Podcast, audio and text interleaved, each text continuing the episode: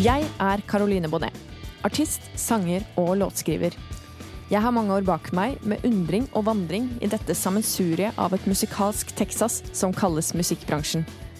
Det er mange historier, mange skjulte fakta, og ikke minst mange spennende folk som gjemmer seg bak denne bransjen fylt av eksentrikere, nevrotikere og alle slags snodige outcasts. Jeg bestemte meg en kveld for at jeg ville forvandle denne nysgjerrigheten til å bli min egen podkast. Jeg kommer til å invitere forskjellige gjester fra bransjen, som forhåpentligvis vil fortelle meg noe nytt som muligens verken du eller jeg visste fra før. Hver episode vil kunne belyse kjente og kanskje ikke fullt så kjente sider av nettopp musikkbransjen.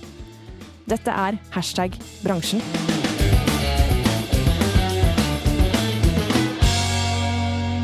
I dag er jeg så heldig å ha besøk av selveste Karin Bakås, aka Mor Karin. Karin er kjent som Norges utronede backstage-dronning. Kjært barn har mange navn, vi sier det sånn. Eh, for når jeg skulle lage denne podkasten eh, om musikkbransjen, så dukka jo navnet ditt, Karin, veldig fort opp på gjester som jeg hadde lyst til å invitere. Eh, du er jo virkelig en person som har jobba med de største internasjonale artistene og banda som har vært i Norge. Eh, og de gangene vi har møttes tidligere, så har jeg til gode å name-droppe en artist du ikke har jobba med. eh, for du har jo vært i garderoben til de største og måttet forholde deg til diverse div divanikker, kan jeg tenke meg. Eh, det er meget spennende å sitte her og For du er vel en av de som kanskje har eh, de råeste og mest juicy historiene fra nettopp bransjen. Jeg vet du har eh, taushetsplikt, men jeg tror uansett at jeg får noe interessant og morsomt ut av å ha deg her i dag, så det blir bra. Så når jeg sier hashtag bransjen, Karin, hva tenker du da? Ja, det, for meg er det jo hele livet mitt. Ja. Jeg har ikke mann, jeg har ikke barn, jeg har ikke husdyr, jeg har bare kaktus. eh, Jeg er laga for å være på turné. ja, ikke sant. Jeg har konsekvent ferdigpakka weekendbag og koffert. Jeg kan dra på meget kort varsel. Jeg vet bestandig hvor passet mitt er. Ja, ikke sant. Så jeg, har aldri tenkt noe annet. Men Nei. det gikk jo mange år før jeg kunne leve av bare det. Ja. Ja. Men eh, fra 90 så har jeg levd av musikk. Ja, ikke sant. Men sånn i forhold til hva som fikk deg inn i musikkbransjen, da, så er jeg litt sånn nysgjerrig på om du har en spesiell historie eller et spesielt minne som på en måte definerte din inntreden i bransjen, da. Når du tenker tilbake? Ja, jeg begynte vel egentlig Pappa var en veldig god venn av Arne Arnardo. OK. Og på masse via greier så fikk jeg lov å reise med Arnardo i skoleferien fra jeg var tolv. Ja. Og det var jo virkelig introen. Der lærte du alt. Billettsalg, Mm. følgesbåtkjøring, eh, sette opp telt, eh, møte og publikum, få de ut, eh, reise, forholde seg til alt man møter på et utested. Det er jo nesten som en festival, sirkus. Du må holde deg til den lokale Alt fra ordfører, politi, vannverket, elektrisitetsverket, uh, ja, lensmann, brannvesenet. Og det er jo det samme som man gjør når man har en større festival. Mm. Men av musikk, så første bandet jeg jobba med, var jo Det het Wuppichup, og det var forløperen til Prudence. OK. For jeg gikk på handelsskolen, privat handelsskole i Namsos. E. Jensens handelsskole. Så hadde jeg Terje Tysland i samme klasse. Nettopp. Han hadde jo den store bedriften å klare å bli utvist av samtlige timelærere før påske. Det er jo ganske godt gjort, da. Jeg sto med, som et, med. Jeg var yngste som hadde gått på den skolen. Jeg var 15 år. Men hver helg da sto gutta utafor og tuta, og midt i en prøve liksom. Det var sånn 'Må jeg komme, for nå skal vi til Mosjøen eller Mo i Rana', eller et eller annet. Og, Han bare, bare leverte det man hadde hatt tid til å skrive på prøven, og så bare løp av gårde. Ikke sant. Men ja, for du er jo trønder opprinnelig. Ja. du har jo bodd i Oslo-området og vært på en måte veldig involvert i mye store Oslo-konserter, som jeg har skjønt det. Altså siden du på en måte var Ja, jeg kom til Oslo i våren 75. Ja. Da kom jeg fra en forkurs til hotellfagskolen på Voss. Mm. Og da ble hele klassen ansatt på da det nyåpna SAS-hotellet på Holbergsplass. OK. Så da begynte jeg i resepsjonen der.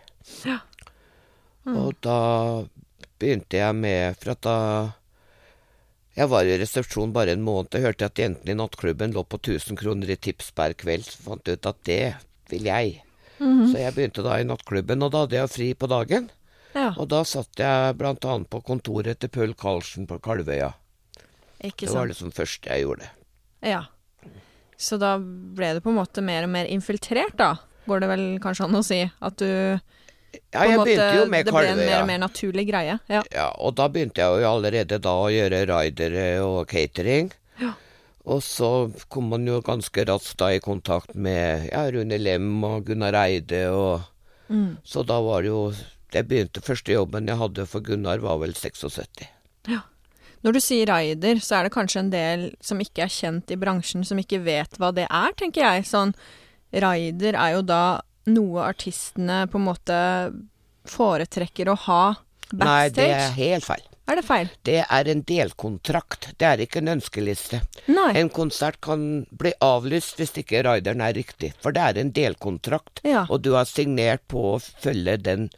Så du har tre kontrakter på en kontrakt. Mhm. Du har én som avtaler penger, og hvordan det skal betales. Mm. Og så har du da en teknisk rider som forklarer hvor mye scene, mye strøm, høyde ja, hvor mange parkeringsplasser du trenger til trailere og busser. Mm. Og så har du da den praktiske rideren hvor det står hvordan garderoben skal se ut, øh, hvordan man skal komme seg fra garderoben til scenen, hva du skal spise, hva du skal drikke, og til hvilket tidspunkt. Ja, for det og er vel det jeg da- sånn sett forbinder med en rider, da.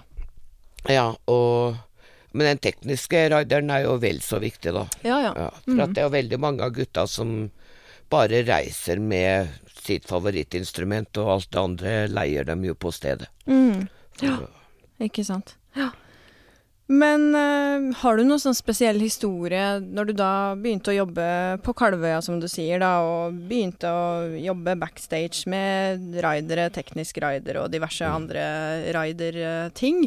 Eh, har du noen sånn spesiell historie som du tenkte bare Oi, ja, nå er jeg vel i bransjen. Eller at du tenkte en sånn Ja, det var jo spesielt. Ja, nei, det er jo Nei, Altså, alle Jeg tror hele bransjen må være enige om at det mest bisarre vi noensinne har gjort, det var jo et forsøk på en festival oppe i Dala som het Hamarfestivalen. Okay.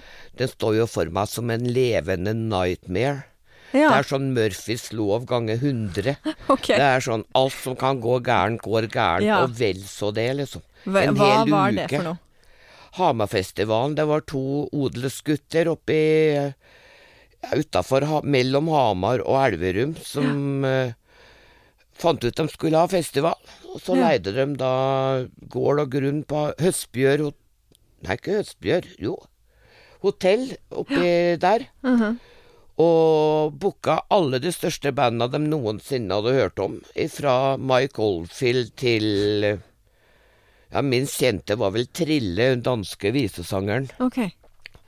Men det var en hel armada, ikke sant. Det var som Free, Wishbone Ash, Mothers of Invention, Trogs Ja. Altså, det var som alle. Hvilket år er vi i da? Ja, når var dette? 1,82, tror jeg, eller noe sånt rundt der. Ja, nettopp. Og da var det venninna mi, Ann- Ann-Katrin Devik, lillesøstera til Jan Devik, som har spilt i Prudence, Ja. som da hadde sagt ja til å gjøre å ta ansvaret for alt backstage. Mm. Og det ble litt dobbeltjobb, for gutta skulle jo bo der også. Mm.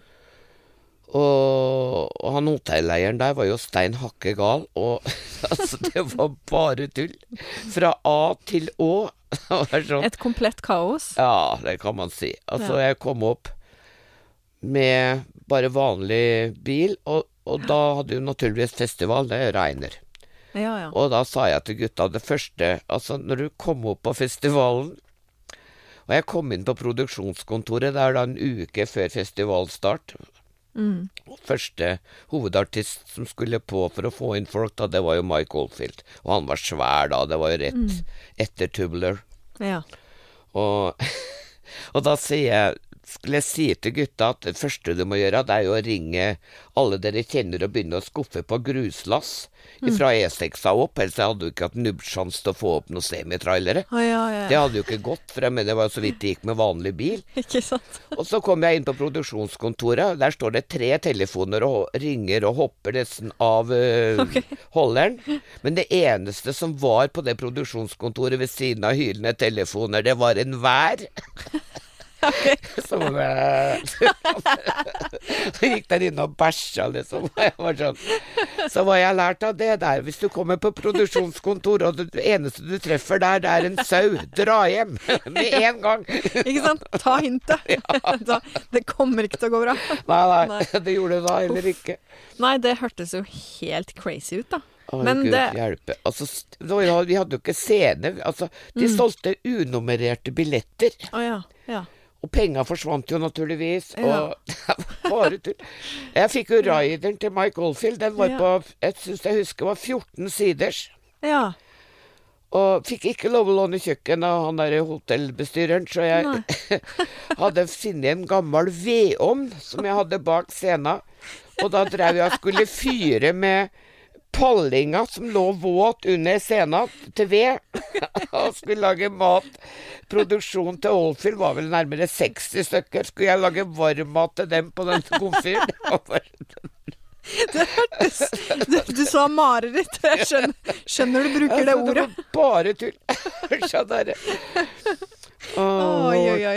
Ja, nei, det er uh, Nei, og- fascinerende hva du, hva du har stått i, for å si det sånn. Jo, Men gikk det bra? Altså, fikk Nei, de mat, da? jo Ja, ja. nei, men så, greia var jo at jeg sa jo til gutta at dere er nødt til å kjøre det gruset, så får vi jo ikke utstyret Ja. semitrailere opp. Mm. Og nei, men Karin, det, vi har traktorer, det går så fint at det Og jeg bare Du skjønner at de bilene her, de er ikke sånn vanlig lastebil, den er sånn veldig stor, den veier 44 tonn. Mm. Ja da, men vi har store traktorer, vi, og ja, ja, sånt. Og så kom jo traileren, da, Transamen til uh, Oldfield. Og naturligvis så sto jo den veldig jeg har spådd, da, fast i Ja. gjørma 200-300 meter fra scenen, og da gikk jeg bort til han ene odelsgutten, så sa jeg nå må du gå og hente traktoren. Ja. Så kom han og første gangen han hadde sett en semitrailer, han bare 'Å, det var jækla stor bil'. Så sa jeg 'Det har jeg prøvd å si hele tida'. Og dem nekta jo at vi skulle begynne å ta ut utstyret, for det naturligvis sprutregna, og dem ville jo ikke ha utstyret Nei. ødelagt med lasere og gud veit hva, så det var bare ja. Det var jo bare å rigge, og Ja. da blei det jo ikke noe Oldfield, for vi hadde jo ikke noe utstyr. Så det blei aldri noe? Nei, ikke med Oldfield. Det Nei. eneste som spilte, var vel uh, Dexy Midnight Runners. OK. Og da skulle alle norske artister uh, banke dem opp. Oh. Med Anne Grete Preus i spitsen. OK. Hun hadde da fått med seg Ebba Grøn med Tåstrøm. Ja. De hadde slått seg sammen for å banke opp uh, Dexy Midnight Runners, for de var ukollegiale og hadde spilt før de hadde fått penger. Nei. Så de måtte ha politieskorte Ja. fra scenen og ned til E6, så de ikke skulle få juling av de norske og svenske artistene. Det hørtes jo helt vilt ut. Ja, men Ja. gutta tenkte at de hadde kjørt helt fra Nord-England, og de hadde kommet så langt, så ville de spille. Det var jo helt fett for dem når de fikk noe penger, de hadde bare Mm. Ja, lyst til å spille, da. De gjorde det, da. Men. Det var ikke så greit. men de var vel eneste som gikk på, tror jeg. Så, Ja. Ja. Nei, du Jo, og så kom jo Mike Oldfield, men han ville jo ikke Ja. bo på det hotellet, så han sjekka inn på et hotell nede i Hamar. og det Ja. neste jeg får telefon fra turnélederen til Mike. Ja. Da hadde heisen gått i stykker, så Mike sto innelåst i heisen Oi. mellom resepsjon og først annen etasje. Ja. Og der sto han i flere timer, for de fikk ikke tak i noen heismontør. Okay.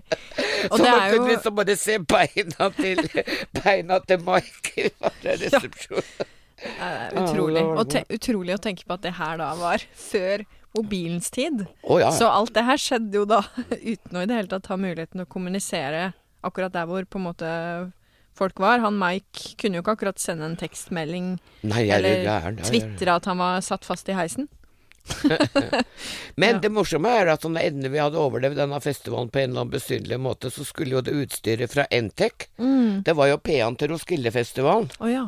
Så vi skulle jo da ned til Roskilde etterpå. Ja.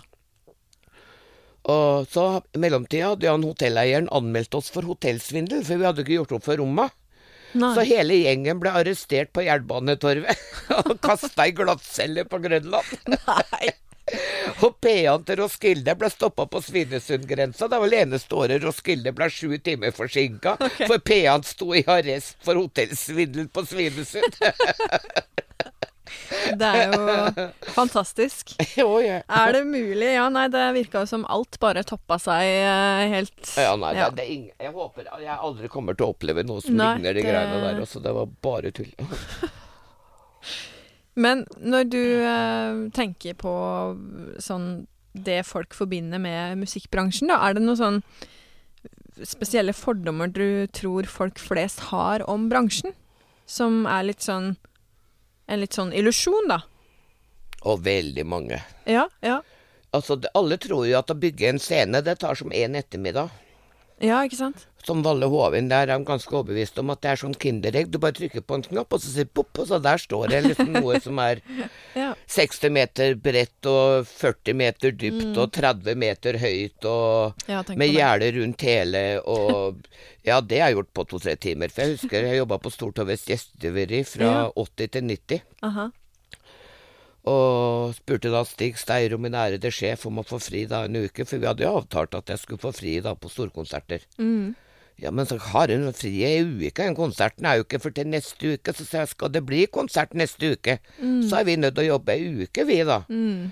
Og da, det trodde han ikke noe på, så jeg begynte jo å ta bilder, da. Dag én, dag to og sånn, så Ja. han kunne se da fortgangen i Ja. scenebygginga med stålet, eller scaffold som vi kaller det, da. Ja, ikke sant. Ja, ja så det, du tenker at de fleste tror at det bare er sånn vips, så er det en Ja, scene de tror der, at liksom. 48 semitrailere uten bruksanvisning, det er bare, bare å kaste det opp, liksom. Det, Ja, ikke sant.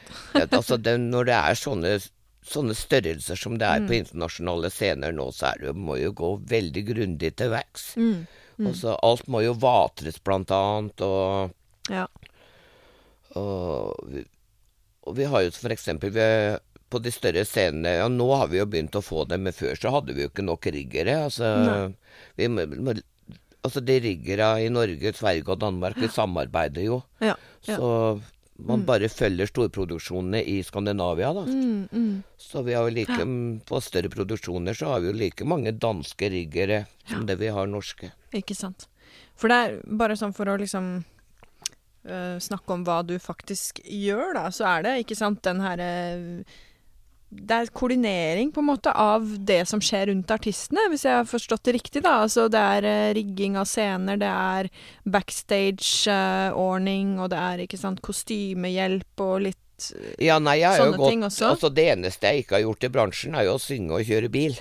OK. For, men man, man begynte jo med én jobb, men, men det er klart at jeg har jo ikke de samme fysiske mulighetene når jeg begynner å nærme meg 70, Nei, som det når jeg var 20. det er klart.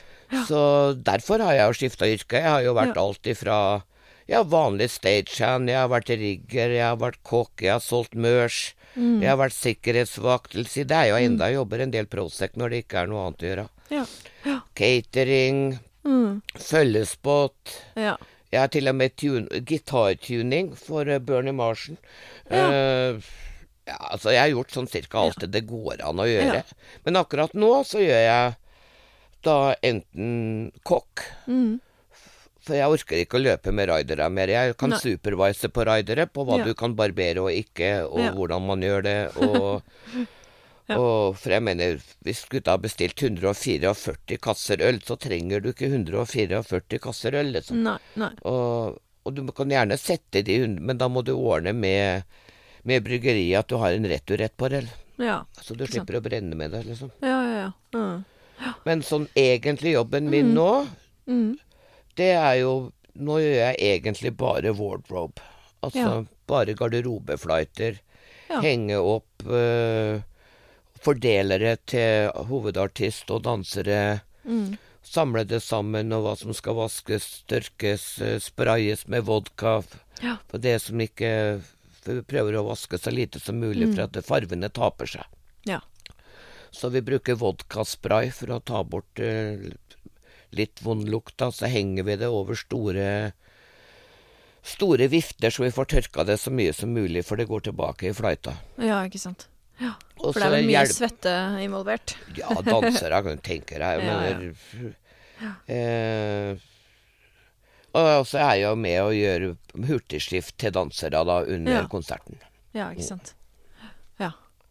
Og jeg har til og med fått lov å, i og med at jeg har gjort det så lenge, så har jeg fått lov å, å være påkledd til hovedartist også. Ja, ok. Som Lady Gaga liker meg. Ja. Hun virker jo som en veldig sånn hyggelig person, da. Sprøytegal. Hun er sprøytegal. Ja, helt 100% Men uh, det er jo ofte hyggelige folk, det òg, Ja, kjempekoselig. Ja, Er du gæren? Ja. ja. Så det er ikke noe Men altså, det, hun gjør ting som ikke jeg skjønner bæret av, liksom. Ja. Altså, Sist jeg jobba med Telenor Arena, da hadde jeg bygd veldig fin garderobe til henne. Større enn her. Ja. Med ordentlig fine møbler og pene lamper. Og, og da hadde hun plukka med seg to-tre stykker fra publikum som hun hadde lyst til å prate med. ja. Og da satt hun på gulvet ute i gangen. Og da begynte det å bli kaldt, for at alle dørene står jo på vidt gap når du driver og kjører inn og ut trailere. Så jeg prøvde liksom å si unnskyld, men du kan ikke sitte her, for det blir dårlig. sant? Så du har vondt i halsen. Det går jo ikke. Du må gå inn og sette deg og lukke døra, for her er det kaldt. Ja, hun satt der i to timer, tror jeg. altså. ja. men det gikk jo bra, da, for det ble ikke dårlig. Nei, ikke sant. Men du sier sjøl at du, det eneste du har gjort, er å Det eneste du ikke har gjort, Mm. er å kjøre bil og sunget. Men du har jo vært eh, Altså, du har jo spilt en del instrumenter og sånn, har du ikke det? Eller? Jo. Du, har du spilt i band sjøl, eller? Nei. Nei. Men du var jo Jeg syns du nevnte det en gang, at du gjorde litt sånn Ja, nei, jeg har spilt Musikk. gitar og spilt pianotrekkspill. Ja. Og jeg har jo gått på musikklina på folkehøyskole, og da måtte du jo ha pianoundervisning. Mm. Og så måtte du ha et eller annet blåseinstrument, og der er jeg ikke talentfull, da. Nei. Så jeg prøvde jo, jeg kjøpte meg trompet. Jeg til dags dato ikke fått lyd eller noe som Nei. ligna en tone i en trompet. Så den kasta jeg i dass til slutt, i ren fortvilelse. Sånn, Derfor er jeg da veldig fan av blåserekker. Mm. De kan noe ikke jeg kan. Så jeg er Ja. overfan av Tower of Power og Ja, ja. Altså de virkelige blåser blåse... Og jeg krangler jo med norske Norske blåserekker, dem er ikke veldig glad i meg. Å nei. For at Hva- jeg kan ikke det, skjønne for at norske blåserekker, de kan ikke kutte toner. Å nei. Og jeg mener, hvis du så hører på Tower of Power, så er det sånn du, du, du, du, du, du. Ja. Men norske skal gjøre det, så blir det sånn du, du, du, du, du. Og det irriterer ræva av meg. Så er det som at Unnskyld meg, men når du da først har funnet tonen, er det da forbanna mye vanskeligere å spille den kort? Og det er jo ikke det, da. Det Nei, nei. Men det har blitt bedre. Det har Ja, vært, ja. virkelig blitt bedre. Ja, morsomt. Men eh, hvis du ser tilbake, da, hva var grunnen til at du på en måte ikke ble med i noe band, eller var det mer at du hadde en mer interesse for den her eh, andre delen av bransjen, kanskje? At du liksom Det var et eller annet ved det som fenga deg mer? Nei, det jeg tror ikke?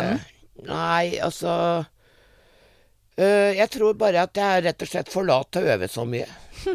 For at jeg liker jo bare flinkest musikk. OK. Og da må du øve noe veldig for å kunne spille det, og det fant jeg ut at det gidder jeg ikke. Og Mm. Jeg gidder ikke å stå og spille tregrepsrock, det gir meg som ingenting. Nei. Så min siste opptreden med gitar, det var avslutninga på på Vatletun handelsskole på Voss. Da okay. spilte jeg 'Saturday in the Park' av Chicago. Ja. Det er 37 grep, hvorav 15 er vel bare, tror jeg. Ja. Og da hadde jeg øvd noe grusomt for å fikse det, og det Aha. klarte jeg. Ja. Men det er det siste jeg har spilt på gitar. Jeg fant ut det er for mye jobb, altså. Ja, ja. Det er lettere å både få jobb og gjøre jobben og være crew. ja. Du er en eh, praktiker, med andre ord. Du er jo veldig sånn Du ordner opp. Det er, Ja, det, men du er altså- liksom Ja. Jeg har jo jobba med verdens største band altså i forhold til, etter min mening, musikalitet, da. Jeg har jo reist med altså typ Miles Davis, Frank Zappa, Ja. Weather Report, Ja. Tower Ja. Altså Blood, Sweat and Tears, Chicago Mm. Altså, jeg hadde jo ikke fått lov å spille med de gutta der. Nei, Så det er jo eneste måten jeg kunne jobba med dem på, det er jo å være crew. ikke sant? Ja, ja, ja. ja, det er et godt poeng. Men øh, har du en eller annen sånn juicy historie som bare du har sittet på, som du tenker at ja, det her passer, passer i hashtag-bransjen? du trenger ikke nevne navn, men en eller annen sånn raritet som du eh, tenker at ja, det er eh, verdt å fortelle. Nei, det er jo ingen hemmelighet. Altså, det, mamma har sagt til meg at man skal ikke snakke Altså, kan man ikke si noe pent om noen, så skal man heller holde kjeft. Ja. Men uh, jeg har bestandig sagt det, og jeg sa det jo mens vedkommende levde òg. ja. Det er én artist jeg har nekta å jobbe for for tredje gang, og det er Whitney Houston. OK. Hun er teknisk umulig å jobbe med, så det er jo bare sånn Tredje gangen så nekta jeg. Og ikke bare meg, det er jo én meg i alle byer. Ja, ja, ja, det Og alle vi. Ja. Altså, Skandinavia, vi snakker jo sammen. Mm. Og Hvorfor ikke? Fordi hun var Nei, det, altså, det går bare ikke an å jobbe med henne. Altså, det er bare teknisk umulig, liksom. Så jeg prøvde Altså, alle kan ha en dårlig dag, Mm. men du kan ikke ha en dårlig dag to, to ganger på rappen, liksom. Nei, nei. Nå ble jeg litt sånn trist, merka jeg. For hun er veldig sånn Jeg setter hun høyt, da. Ja, det Men, er det eh, veldig mange som gjør, og men, altså, synger jo fletta bortimot alt Ja, som ja, ruller det og går. det det er udiskutabelt. Men vi får, vi får skylde på at hun Hun putta jo mye i nesa. Så det kan jo være den dopen som uh, gjorde at hun kanskje fikk en sånn dårlig side av seg sjøl fram, da. Jeg Skal vi skylde på veit ikke, men altså Nei, men det er bare sånn ja, Som for eksempel, hun ville Når jeg gjør wardrobe, Mm. så er det veldig mange artister som vil at jeg skal øh, gjøre klærne deres i deres garderobe, sånn at de kan se at jeg gjør det. Ja, ja. For at de har opplevd at dessverre, da, at en del Mm. av mine kollegaer har rett og slett rappa noe. Ja. Så for å være sikker på at ikke ting blir stjålet, så vil de vel at det skal gjøres der, Mm. så de kan følge med. Ja. Men uh, Whitney, hun ville at når hun var i garderoben, Ja. så måtte jeg stå med ansiktet inn mot veggen med synlige hender Okay. når hun var der. Ja. Og du vet at da går det jo ikke an å jobbe. Og så Nei. hadde jeg da 14 sånne virkelig sånne seriøse kjoler som én sånn kjole er kanskje 30 lag med organza, som du er nødt til å stie med ett og ett lag av gangen. Og det tar jo all verdens tid. Ja. Og du vet at hvis jeg da skal bruke halve arbeidsdagen med å stå og se i veggen for at hun er der, Ja. da får ikke jeg gjort ting ferdig. Nei. Så jeg gjorde Mm. Det nød lærer naken kvinne å spinne, så jeg Ja. hang da bare alle de derre kreasjonene på et garderobestativ. Ja. Og kjørte, var på Spektrum, og der hadde vi badstue. Ja. Og kjørte det inn i badstua, og bare kasta på ei bøtte med vann. Ja. OK. Så blei de veldig fine, men vet du, all, all eh, den derre strassen datt av, for det var jo lima på. Oi, nei! Hashtag den følelsen. samla sammen alle greiene og hadde lynlim, da. Og bare lima på det jeg rakk. Sånn som jeg trodde det hadde vært, og det var ingen som merka det. Oi, oi, oi. Ja, Men det, det- har jeg aldri fortalt før. Nei, nei, det var jo Det må ha vært en litt stressende et stressende øyeblikk. Det kan man se. Ja. Jeg tenkte jo ikke på det. Jeg måtte bare få det gjort, og det var liksom det første jeg kom på. Ikke sant? Men er det noen uh, som har overraska deg i motsatt uh, plan, holdt jeg på å si? Sånn hvor du kanskje har hørt mye negativt om en artist, og så har du fått en sånn Oi, jøss, så hyggelig han eller henne var. Hvor du på en måte har fått en men sånn altså, det- annen opplevelse der. Jeg har jo jobba med de største så mange ganger at Ja. de har liksom blitt litt kjent. Mm. Og jeg vil jo si at Altså, jeg har jo over 50 år bak der nå. Mm. Og jeg vil jo påstå at en ledende musikere er 90% av dem er ekstremt mye hyggeligere enn en Mm. gjennomsnittlig nordmann. Ikke sant? Av Tenk på den enkle grunn at dem er engelskmenn og amerikanere, og de har lært å oppføre seg. Ja. Rett og slett. Ja. I Norge så er det sånn folk møtes og Hø, Ja. Det betyr 'hvordan går det?' og den andre «Æ, æ, Ja. Det går fint. Ja, Men når du møter de gutta her, så er det Mm. 'Hello, good afternoon, how are you doing? Are you okay today, love?' Mm. Sant? Det er folk du aldri har møtt før. De er jo hyggeligere enn din egen familie. Sånn. ja. Men så er det liksom da unntaket som bekrefter regelen, og så Ja. har du jo Altså, det eneste bandet som jeg har kjefta noe ekstremt mye på Jeg har jo kjefta på alle, Ja, ja, det tror jeg på. men eh, det jeg har kjefta mest på, må jo være Motley Crew. Okay. For altså, den tida på 80-tallet, den var totalt uspiselig, altså. Ja. Den var totalt umulig å ha med å gjøre. ja. Hva for eksempel hva Nei, altså, det bare Hva var vanskelig? La oss si det sånn at jeg har både den svenske og den engelske utgaven av boka Dirt. Jeg har ikke lest den, for jeg trenger ikke det, for jeg veit. Du var der? Ja, men jeg veit at det jeg har opplevd, det står ikke i Dirt. Nei. Nei, Ok. så enkelt er det. De Ja. er mye verre enn det. Ja. Det bare veit jeg uten å ha lest boka. ja. Jeg har ikke lest den sjøl, men jeg har jo hørt en del eh, rykter om at det skal være ja, sånn topp tre av eh, ganske ekstreme band da, når det kommer til Ja. eh, atferd og Helt ting som har skjedd, for å si det sånn. Altså, altså si folk som Guns N' Roses, for eksempel. De er jo søndagsskole i forhold. Ok. Ja. Ja, det Men altså, dem har jo blitt mye bedre. Altså, Ja. Det siste jeg jobba med dem nå i Spektrum, det er jo ikke så innmari lenge siden. Så er jo gutta kjempehyggelige og hilser høflig og får Ja. klem. Og eneste som ikke liker meg, det er eh, Tommy Lee. Han syns okay. ikke jeg er verdens redning for noe som helst. Nei, nettopp. Totalt ignorerer Ja. meg. Men det er greit, liksom. Alle de andre er hyggelige. Ja. Nei, men man kan jo ikke komme overens med alle heller. Sånn er det jo Ja, verden er jo bare som den er noen ganger. Men uh, hvis du har litt historie med de gutta, så er, er det vel kanskje litt vanskelig å glemme det, da. At det kan ha noe med det å gjøre. Og så er det jo Jeg liker jo å si dem som har vært hyggeligst. Det er jo For at det er jo ingen hemmelighet at man sliter jo litt mer med kvinnelige vokalister enn man gjør med mannlige vokalister, av en eller annen besynderlig årsak. Okay. Så, og det er jo gjengs. Altså, jeg har jo jobba to år på Norsk Opera, det er jo samme der. Ja. Sliter jo mer med sopraner enn du gjør med tenorer, altså, selv om Ja. tenorer er òg litt humørsyke til Ja. tider. ja. Men øh, Nei, jentene så er det vel Nummer én, uten diskusjon, er jo Tina Turner. Ekstremt hyggelig og raus. Å, det var godt å høre. Ja, hun er øh, ja, hun virker jo som en ja, fantastisk person. ekstremt hyggelig. Altså, Ja. Håndhilser på alt hun treffer på sin Ja. vei. Altså, uansett om du vasker gulv eller Ja. kjører bil eller For en dame, altså. Kjempehyggelig til alle. Ja. Og så har vi ja, Dolly Parton. Veldig hyggelig. Mm. Uh, Miley Cyrus. Mm. Hun har blitt den nye Tina. Ekstremt hyggelig. Ja. Liner opp hele backstage-crewet og går og håndhilser på alle og takker for en god jobb etter konsert. Ja, men så decent og så fint, tenker Ja. jeg. For tenk hvor viktig den jobben du gjør er, da. Altså, man hadde jo ikke kunnet stått der på scenen og sunget en eneste tone hvis det ikke var for de som faktisk jobber i det skjulte, da, for å si det sånn. Jobber med ting som skal til for å få til en konsert. Ja, det er jo et maskineri. Ja. På, altså Når jeg tar med nye folk på Wardrom nå, for vi skal jo liksom Som regel på en storproduksjon så har vi med to sydamer og fire da på wardrobe, som hjelper da utlendinga. Ja.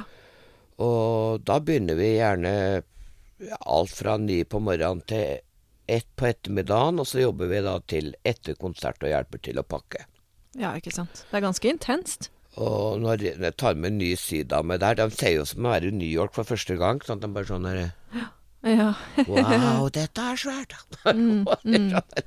For man tenker jo ikke over det når man kommer Nei. som publikum, for at da er det mørkt når du går inn, og bang, så er det lysa på. Og så, Ikke sant. og så er det jo nesten ikke huslysa på igjen når du går ut. Så de får liksom aldri ordentlig inntrykk av hvor svært det er, tror jeg. Nei.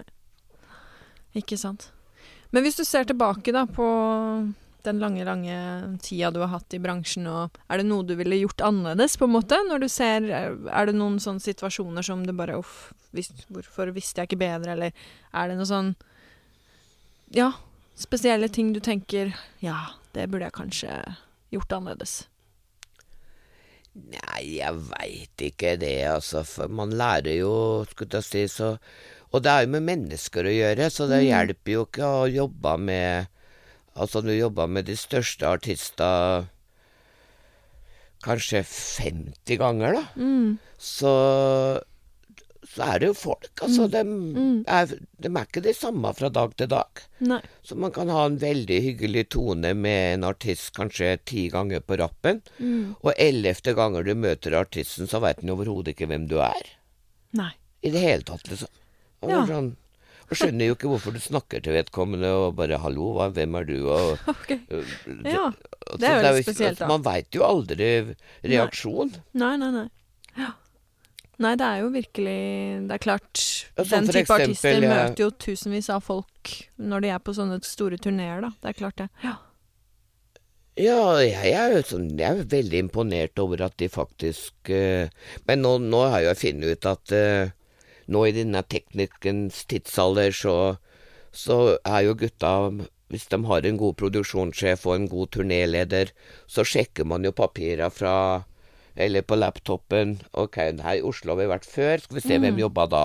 Jo, da var det hun som gjorde Warrob, det var han som gjorde sånn, og det var Ja. han som var cruisesjef. Og, og så lærer man seg navnet hans når man kommer, så sier jeg I would like to meet Karen. Ja. Og så ble jeg veldig imponert for at de husker meg, da. Men det er jo sikkert bare for at de har slått opp på laptopen og sjekka hva jeg het før de kom. Kan jo være Men, litt eh, sånn eh, Nei, det er jo ikke det, Karin. Jeg husker jo deg. nei, altså, jeg, jeg var jo så imponert, for jeg skjønte at det var sånn det foregikk. For jeg begynte jo å gjøre det samme selv, Ja, ja, når jeg var på norgesturné, liksom. Og spurte etter vaktmesteren i Haugesund, eller ikke Ja, ja, sant. Og han blei jo så glad, for du huska hva han het. ja. Men eh, når er det folk eh, velger deg og dine tjenester? Er det, for du er vel en av de mest veletablerte på det du gjør, eller er du kanskje et unikum på det du gjør, egentlig? Sånn Nei, jeg veit vel ikke det, men altså På Gunnar Eide nå, Live Nation, så har de vel en enkel filosofi at uh, så lenge Don't change a winning team. Altså hvis du liksom har gjort jobben i så mange Ja. år, og, og man ikke får noen klager fra produksjonen, så er det jo ingen grunn til å bytte meg ut. Og jeg er veldig heldig, for jeg mener, hadde jeg fortsatt på Operaen for eksempel, så hadde jo ikke jeg fått lov å jobbe etter jeg var 67. Nei, ikke sant. For Men, nå frilanser du jo. På Live Nation så får jo jeg jobbe så lenge jeg klarer å gjøre jobben. Å ja, så du er ansatt der? Er det sånn Nei, det er? ikke ansatt, Nei, men altså, jeg blir jo ringt inn hver gang de skal ha noen. Ja, ja. Og alle store produksjoner skal jo ha noen. Mm. Spørsmålet er om jeg vil ha meg pluss fem til, eller bare meg. Det kommer Mm. Ja. litt an på ja, ridere og Ja, for det blir jo en sånn slags nisje du da egentlig har drevet med veldig lenge, da. At du jobber med de største arrangementene i Ja, Live Norge, da. Nation har jo Ja. bare de største. Ja, ikke sant. De har jo mer eller mindre Mm. Ja, altså Valle Hovin, Telenor, Mm. Spektrum. Ja. Også en sjelden gang da kan gjøre Sentrum Scene Ja. og Rockefeller, okay. men det er jo sjelden. ja. Hvilken scene foretrekker du å jobbe på? Spektrum. Spektrum, ja. Ja. Hvorfor det, da? Er det noe spesielt Det er, eh, det er mitt andre hjem. Jeg kunne ha jobba der om jeg var blind. Ikke sant? Du kan sette meg hvor du vil der, og så finner jeg frem. Så det bare Det har Ja. jo gått der Altså, første gangen jeg jobba Spektrum, det var jo når de la ned grunnstein. Før de begynte å bygge det. OK. Da hadde vi et lite telt rundt eh, grunnstein, mm. og da spilte Backstreet. Mm. Så det var liksom min første jobb på Spektrum. Det var De la ned grunnstein. Når var Så- det det ble satt opp, egentlig? Når ble det bygd? Det var jo første Var det 80-tallet eller noe sånt? Eller? Ja, for at når jeg begynte, så hadde vi jo Da hadde vi ingen haller i Oslo. Begynte, vi hadde jo alle konsertene i Drammenshallen. Mm. Og så begynte vi å bruke Ekeberghallen. Og så hadde vi Skedsmohallen. Ja. Og så da etter hvert så ble det jo Spektrum, da, og det var vi jo veldig glad for. Jeg tror publikum var veldig glad for òg. Nå Mm. slapp vi å kjøre ned til Drammen hver gang du skulle på konsert. Ikke sant. Ja. Hm. Men hva er, det, hva er det som er din favoritting å gjøre i jobben din, på en måte? Når føler du at du er i ditt rette element, da? Er det, er det det å fikse med kostymer og sånn, eller er det på en måte Når er det du kjenner at yes, nå er det virkelig Nei, det er jo poteten til Live Nation. Altså, jeg blir jo døtta der det Ja. liksom er et høl. Ja.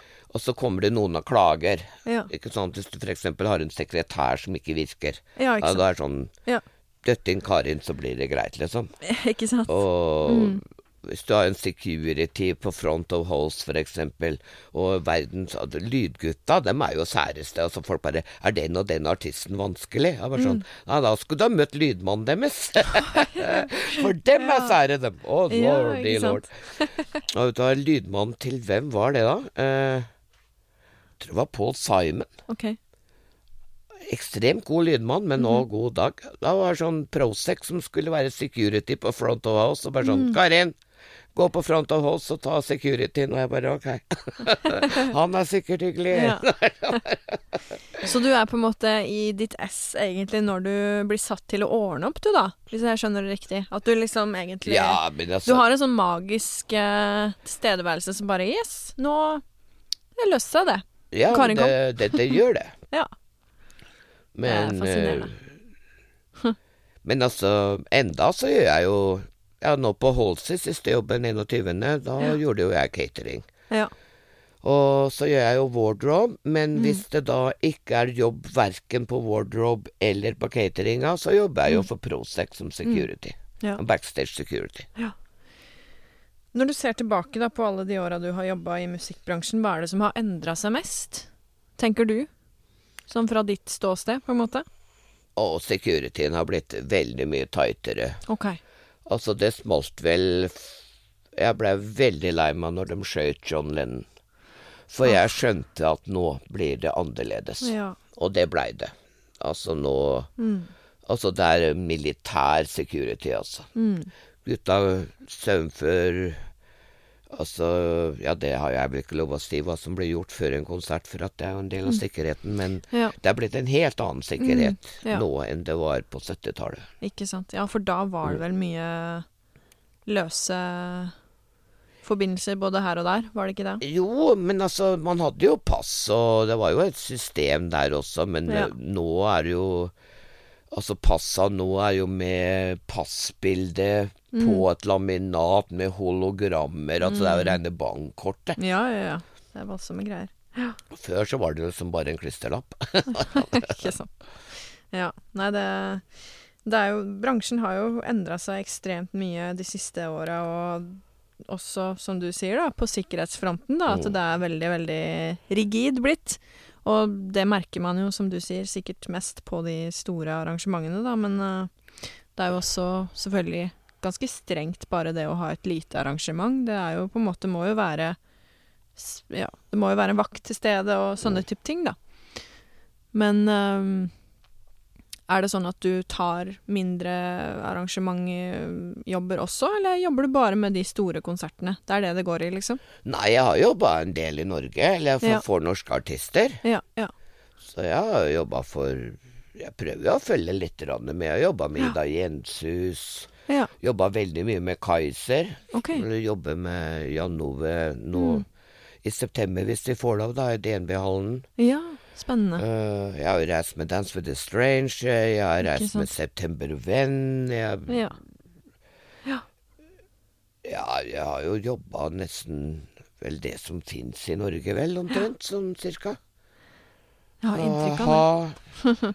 ja. ja. Mm. Hva er det som gjør at Hva skal jeg si? Hva er det som gjør at Norge er et land som er morsomt å turnere i, liksom? Tenker du? Er det noe Nei, men altså, jeg tenker jo ikke Tenker jo ikke sånn, for jeg mener når du er nok på turné, så så spiller det jo ingen rolle hvor, hvor du er. Nei, ikke sant? For når du kommer frem, så ser du jo bare innsida av hallen. Du Mm. ligger jo på en buss og sover, og så blir du kjørt inn i hallen, Mm. og så bare står du opp, og så Ja. bare finne ut hvor et, Du har jo Ja. et ark så du kan gå etter, finne bestemme hvor du skal ha garderoben, hvor skal du ha cateringa, hvor skal kontorene være, få Mm, mm. alle flighta inn dit det skal. Møte crewet, det lokale crewet, forklarer dem hvordan vi vil ha det, Mm. og hvem rekkefølge vi tømmer biler, og hvor de skal på igjen. Ja. Og hvor vi er, det spiller altså om du er i Hannoffer eller Bodø, det er altså Ja. helt likt, eh, bare et forskjell på størrelse. Ja, ikke sant. Hm. Ja, det er eh, virkelig fascinerende å høre du fortelle hvordan det funker backstage og liksom hele den ja, konstellasjonen rundt, rundt et arrangement, da. Uh, og det blir jo virkelig spennende å se når det kommer opp på beina igjen, for å si det sånn, etter uh, den ja. tida vi har vært i og for så vidt er i enda. Men uh, vi får jo bare krysse fingra for at det skjer fortere enn vi tror, da. At ting blir noenlunde normalisert. Ja, det får vi håpe. Mm. Nei, det er én ting jeg må si når det gjelder at ting som har forandra seg. Ja. Alt har blitt mye mindre.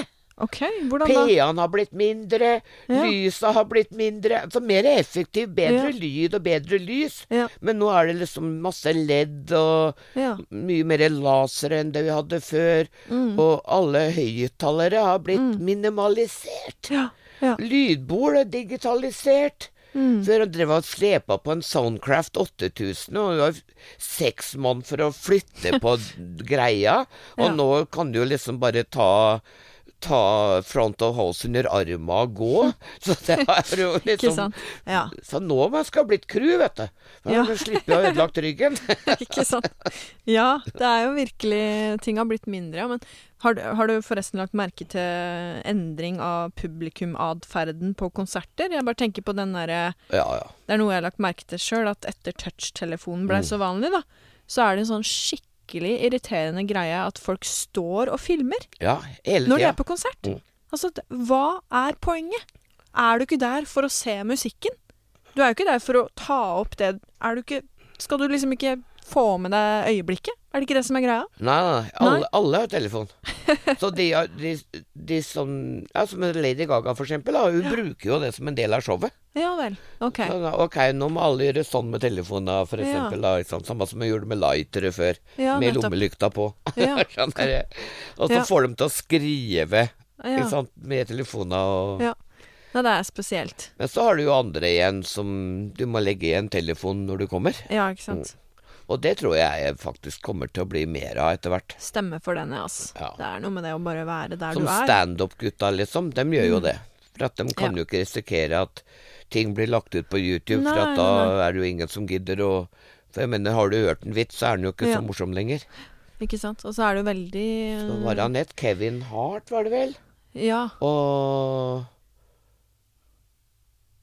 Ja, det var vel ja, Han måtte levere telefon. Ja. Og også tryllekunstnere krever det, sånn Ja. type David Copperfield ja, ja. og ja, men det er veldig Mm. forståelig, det. Og det er klart Av erfaring så er det veldig slitsomt å stå bak noen som filmer, for da blir du stående og se inn i telefonen til vedkommende, da. Det er jo Ja, det er veldig ganske forstyrrende. Og så er en annen ting at folk kan begynner å miste Altså, de har uh, attention span som en gullfisk. Altså, du Altså, de kommer på gig, så tror jeg de går ikke på gig for å høre konserten. De går Nei. dit for å henge med gjengen. Ja. Og så står de og eh, venter på favorittlåta si. mm. Og da Og skal de filme. Ja, og så skal de altså, snakke til den begynner, da. Ja ja, For selvfølgelig. at Ja, eh, ja. de andre låtene gidder jo ikke å høre. Og de driter jo i alle andre som er der. Ja ja, Ja, ja. totalt. Det er jo liksom Så bare sånn men De eier jo ikke sosial intelligens. Nei. Det er bare sånn der, Er det mulig? Hvis du føler deg truffet nå, så syns jeg det er veldig fint, Mm. jeg, egentlig. Da kan du bare tenke at ja, kanskje jeg neste gang på konsert skal faktisk holde kjeft, og Mm. ikke filme med telefonen. Da kan jeg egentlig bare stå og se på musikken, høre musikken. Mm. Det som er faktisk grunnen til at konserter eksisterer. Ja, jeg så Århundrets T-skjorte var lydmannen til Hvem var det? Ja, det var. En eller annen lydmann. Han hadde Mm. Århundrets T-skjorte. Ja. Sto bak på ryggen Ja. med store, hvite bokstaver. Mm. I'm so sorry if my band are disturbing your conversation. Ja, den, den er bra. Den har jeg sett sjøl. Ja, den er dritbra. Den er tankekors, altså, virkelig. Ja. Nei, jeg har jobba mye med Lillebjørn Nilsen. OK.